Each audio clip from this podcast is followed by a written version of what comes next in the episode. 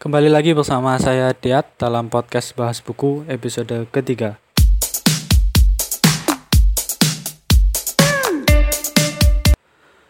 Pada episode 3 ini kita akan membahas buku yang lebih serius dari dua buku sebelumnya. Di dua episode sebelumnya kita sudah membahas dua novel. Maka pada episode 3 ini kita membahas buku ilmiah yaitu buku berjudul Seni Mencintai karya Erich Fromm. Mungkin ketika kita mendengar judulnya, mungkin kita akan mengharapkan kiat-kiat atau metode-metode mudah untuk mencintai atau supaya kita dapat merasakan cinta. Namun, jangan pernah berpikiran seperti itu karena Erich Fromm sendiri secara awal sudah menjelaskan bahwa membaca buku ini akan menjadi pengalaman mengecewakan bagi siapa pun yang mengharapkan petunjuk mudah dalam seni mencintai. Sebaliknya, buku ini memperlihatkan bahwa cinta bukanlah suatu perasaan yang dapat dengan mudah dinikmati, tetapi harus dipelajari. Seperti itu. Lalu kalau bukan berisi tentang kiat-kiat atau metode-metode untuk mencintai dengan mudah, lalu buku ini berisi tentang apa? Mari kita masuk ke pembahasannya.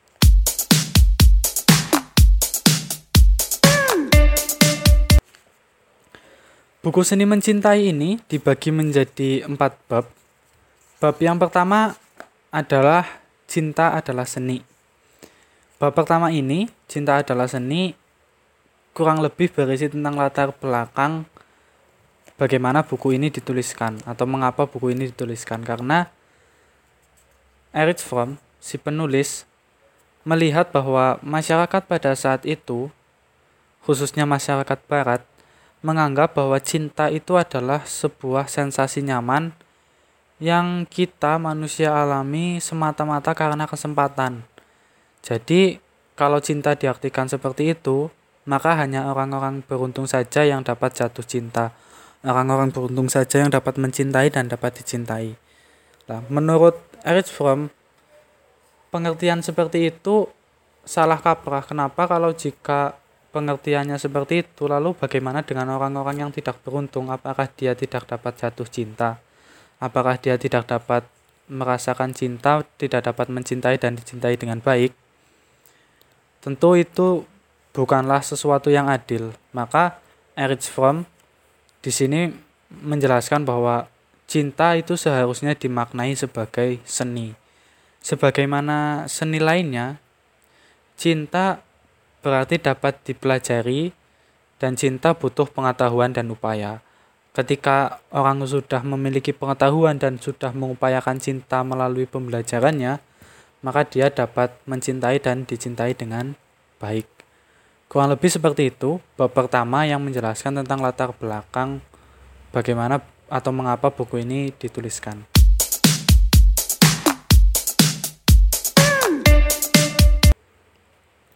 Kemudian bab kedua, bab kedua adalah teori cinta. Di sini dijelaskan mengenai beberapa teori-teori mengenai cinta yang dibagi menjadi tiga subbab. Subbab pertama yaitu cinta, jawaban atas persoalan eksistensi manusia. Subbab ini menjelaskan cinta atau fungsinya cinta bagi kehidupan manusia.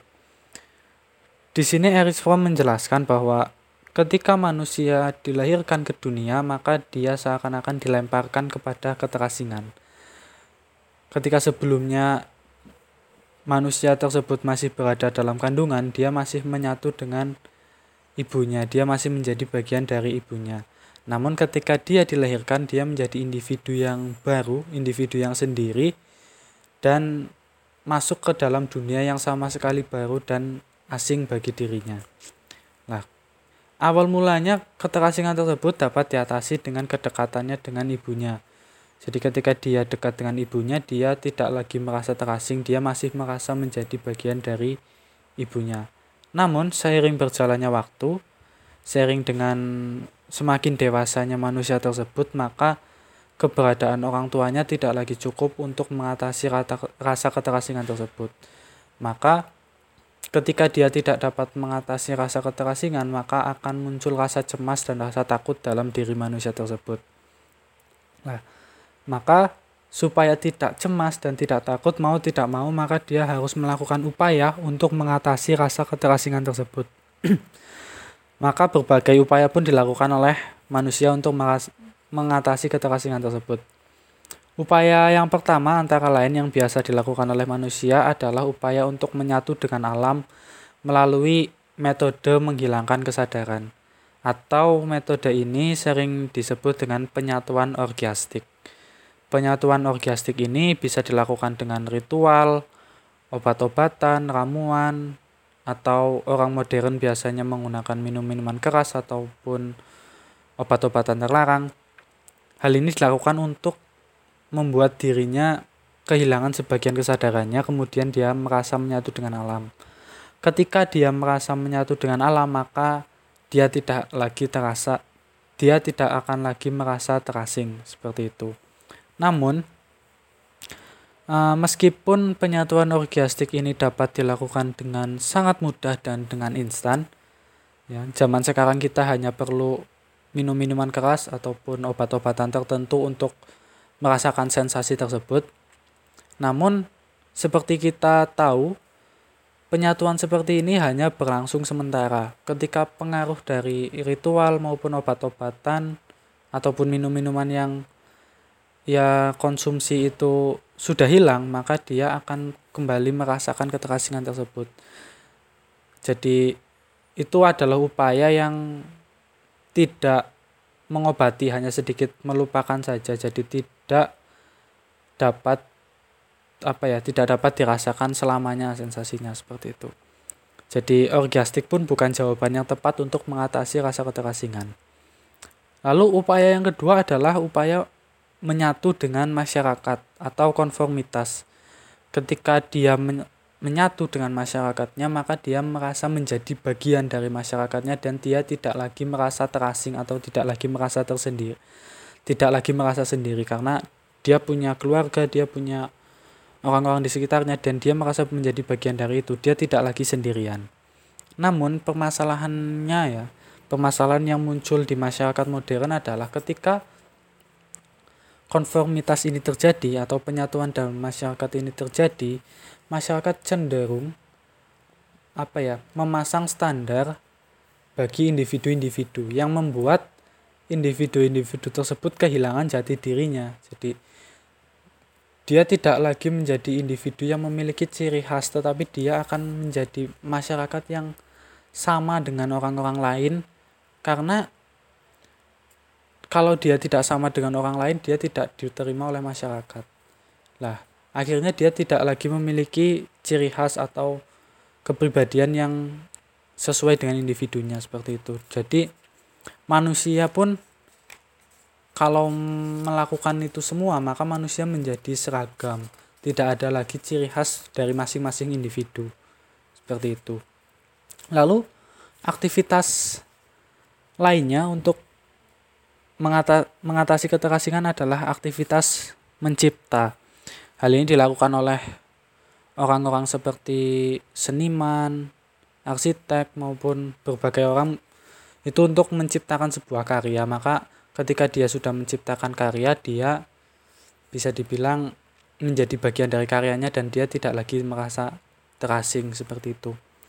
Namun aktivitas mencipta ini hanya dia rasakan sendiri tapi tidak dia tidak terasing di dunia tapi ketika dia hadir di masyarakat dia merasa terasing dengan masyarakat tersebut jadi dia hanya menyatu dengan seni atau dia hanya menyatu dengan apa yang ia ciptakan seperti itu lah dari berbagai upaya-upaya yang dilakukan masing-masing memiliki keuntungan dan kelemahannya masing-masing lah di sini Eric Fromm memberikan alternatif yang lain yaitu cinta.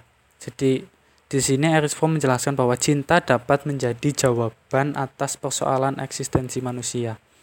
Ketika dia mencintai, maka dia menjadi tidak lagi sendirian, tetapi dia akan menjadi, menyatu dengan apa pun yang ia cintai. Seperti itu. Kemudian subbab kedua dari bab pertama ini adalah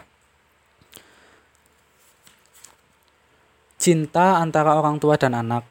Di sini Earth membagi menjadi dua yaitu cinta ayah dan cinta ibu. Menurut Erich Fromm, cinta ayah adalah cinta dengan syarat. Jadi ayah akan mencintai karena anaknya berprestasi ataupun karena anaknya bersikap baik. Pokoknya karena berbagai kebaikan yang dilakukan oleh anaknya maka ayah itu akan mencintai. Jadi perlu upaya untuk meraih cinta seorang ayah tersebut. Jadi anak harus berusaha untuk mendapatkan cinta dari seorang ayah. Kurang lebih seperti itu umumnya ya. Tapi tidak semua ayah seperti itu. Tapi di sini Erich Fromm menjelaskan bahwa umumnya cinta ayah itu memiliki sifat seperti itu. Sedangkan Sebaliknya, cinta ibu adalah cinta yang tanpa syarat. Jadi ibu mencintai seorang anak karena itu adalah anaknya. Tidak peduli anaknya nakal, anaknya tidak berprestasi maupun berprestasi maupun pokoknya tidak peduli apa pun, seorang ibu akan mencintai anaknya. Itu adalah sebuah anugerah yang memang didapatkan oleh anak. Namun, karena cinta ini bersifat tanpa syarat, maka tidak dapat diupayakan. Anak beruntung ketika dia mendapatkan cinta ibu yang tanpa syarat. Jadi dia tidak perlu berusaha, dia akan mendapatkan cinta cinta tersebut. Namun ketika dalam suatu kasus atau beberapa kasus ibu tidak mencintai anaknya, maka itu menjadi musibah bagi seorang anak karena cinta ibu cinta tanpa syarat jadi orang anak tidak dapat melakukan apa pun untuk meraih cinta ketika sang ibu tidak mencintai. Jadi ketika ibu sudah tidak mencintai ya sudah tidak ada lagi harapan untuk anak meraih cinta ibu. Seperti itu. Kurang lebih seperti itu menurut Erich Fromm mengenai cinta antara orang tua dan anak. Dan yang ketiga, subbab ketiga dari bab kedua teori cinta yaitu adalah objek-objek cinta. Di sini Fromm menjelaskan atau menyebutkan beberapa objek cinta. Yang pertama adalah cinta persaudaraan. Jadi cinta persaudaraan ini adalah cinta kepada setiap manusia. Jadi kita mencintai manusia karena ya dia sama-sama manusia, tidak peduli dari ras mana, dari suku mana, pokoknya karena dia manusia maka kita mencintai mereka seperti itu. Yang kedua adalah cinta keibuan. Itu seperti yang sudah dijelaskan tadi di awal dan yang ketiga adalah cinta erotis. Cinta erotis ini biasanya cinta yang bersifat eksklusif atau cinta hanya kepada orang-orang tertentu saja. Misal kepada kekasih, kepada ya ya pokoknya contohnya mungkin kepada kekasih seperti itu. Jadi cinta itu hanya diberikan kepada orang-orang tertentu saja. Seperti itu. Dan yang keempat adalah cinta diri. Lah ini penting jadi sering kali orang mengatakan atau menyamakan cinta diri ini dengan egois. Namun di sini Eric Fromm menjelaskan bahwa cinta diri itu tidak sama dengan egois bahkan sebaliknya. Ketika er, orang tersebut egois maka dia sebenarnya tidak mencintai dirinya sendiri. Seperti itu. Jadi menurutnya cinta diri ini ketika dia mencintai dirinya dia harus mencintai orang lain juga. Karena dirinya itu adalah manusia maka dia harus mencintai manusia lainnya seperti itu.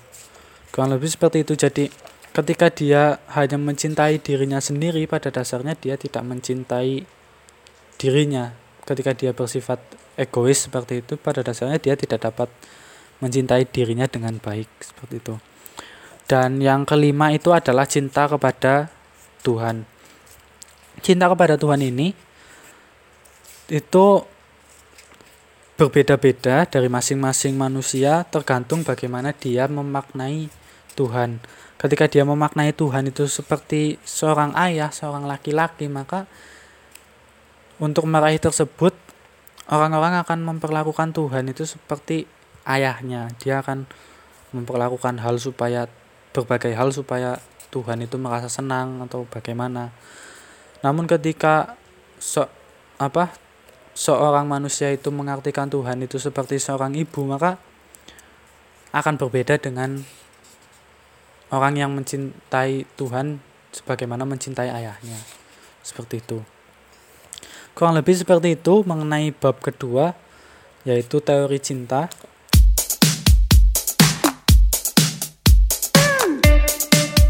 Dan yang ketiga adalah bab ketiga adalah cinta dan kehancurannya dalam masyarakat barat modern. Di sini uh, Erich Fromm penulis menjelaskan bahwa cinta itu sangat terpengaruh oleh kehidupan sosial masyarakatnya pada saat itu. Jadi uh, Erich Fromm berpendapat bahwa cinta atau kehidupan barat modern pada saat itu, interaksi sosial masyarakat barat pada saat itu sangat tidak mendukung adanya cinta yang baik. Jadi kehidupan barat modern pada saat itu saat buku ini ditulis itu seakan-akan membuat cinta itu diartikan dengan salah. Seperti bab yang pertama tadi, cinta diartikan hanya sebagai sensasi nyaman yang didapatkan karena kesempatan. Jadi pokoknya kehidupan masyarakat modern pada saat itu itu membuat cinta itu tidak dapat dimaknai dengan baik dan tidak dapat diartikan dengan baik. Akhirnya orang-orang pun tidak dapat merasakan cinta yang baik. Seperti itu. Kurang lebihnya permasalahan yang pertama adalah cinta itu sering kali diartikan sebagai hubungan timbal balik. Jadi kalau kita mencintai orang maka orang tersebut harus mencintai kita. Nah itu muncul masalah, dia akan kecewa dan akhirnya cintanya pun tidak dapat diterapkan dengan baik. Kemudian banyak pula orang-orang yang mengartikan cinta itu hanya sebatas seks saja dan pokoknya masyarakat modern itu tidak dapat mengartikan cinta dengan baik menurut Erich Fromm. Seperti itu. Itu kurang lebih mengenai bab ketiga yaitu cinta dan kehancurannya dalam masyarakat barat modern.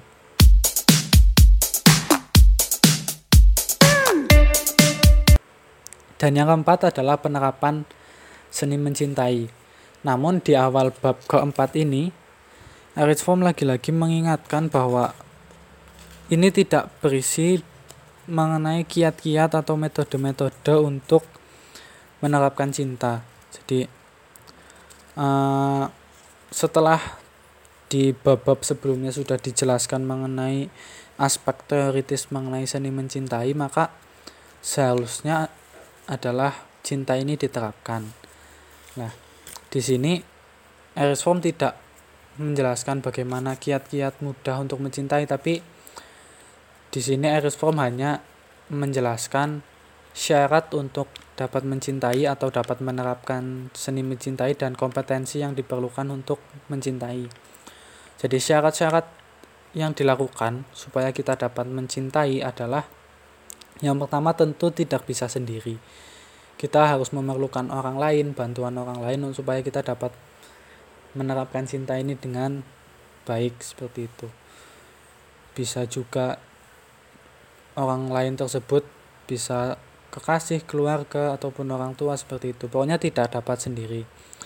Kemudian syarat-syaratnya yang lain adalah kita harus disiplin, harus konsentrasi, dan juga harus sabar. Seperti itu. Itu syarat-syaratnya. Tidak bisa sendiri, disiplin, konsentrasi, dan sabar. Sedangkan kompetensi yang diperlukan untuk menerapkan menerapkan seni mencintai ini adalah yang pertama, kita harus mengatasi narsistik atau kita harus mengatasi ego kita. Jadi, kalau kita ingin mencintai, kita harus melepas ego kita seperti itu. Kemudian, yang kedua adalah keyakinan, dan yang ketiga adalah keberanian. Seperti itu, kurang lebih seperti itu isi dari bab keempat, yaitu penerapan seni mencintai. Kurang lebih seperti itu penjelasan atau review dari buku Seni Mencintai karya Erich Fromm. Terima kasih sudah mendengarkan dan nantikan buku-buku selanjutnya. Follow juga Twitter kami di diat underscore cm supaya tidak ketinggalan info-info mengenai buku-buku yang akan kami review. Terima kasih dan sampai jumpa.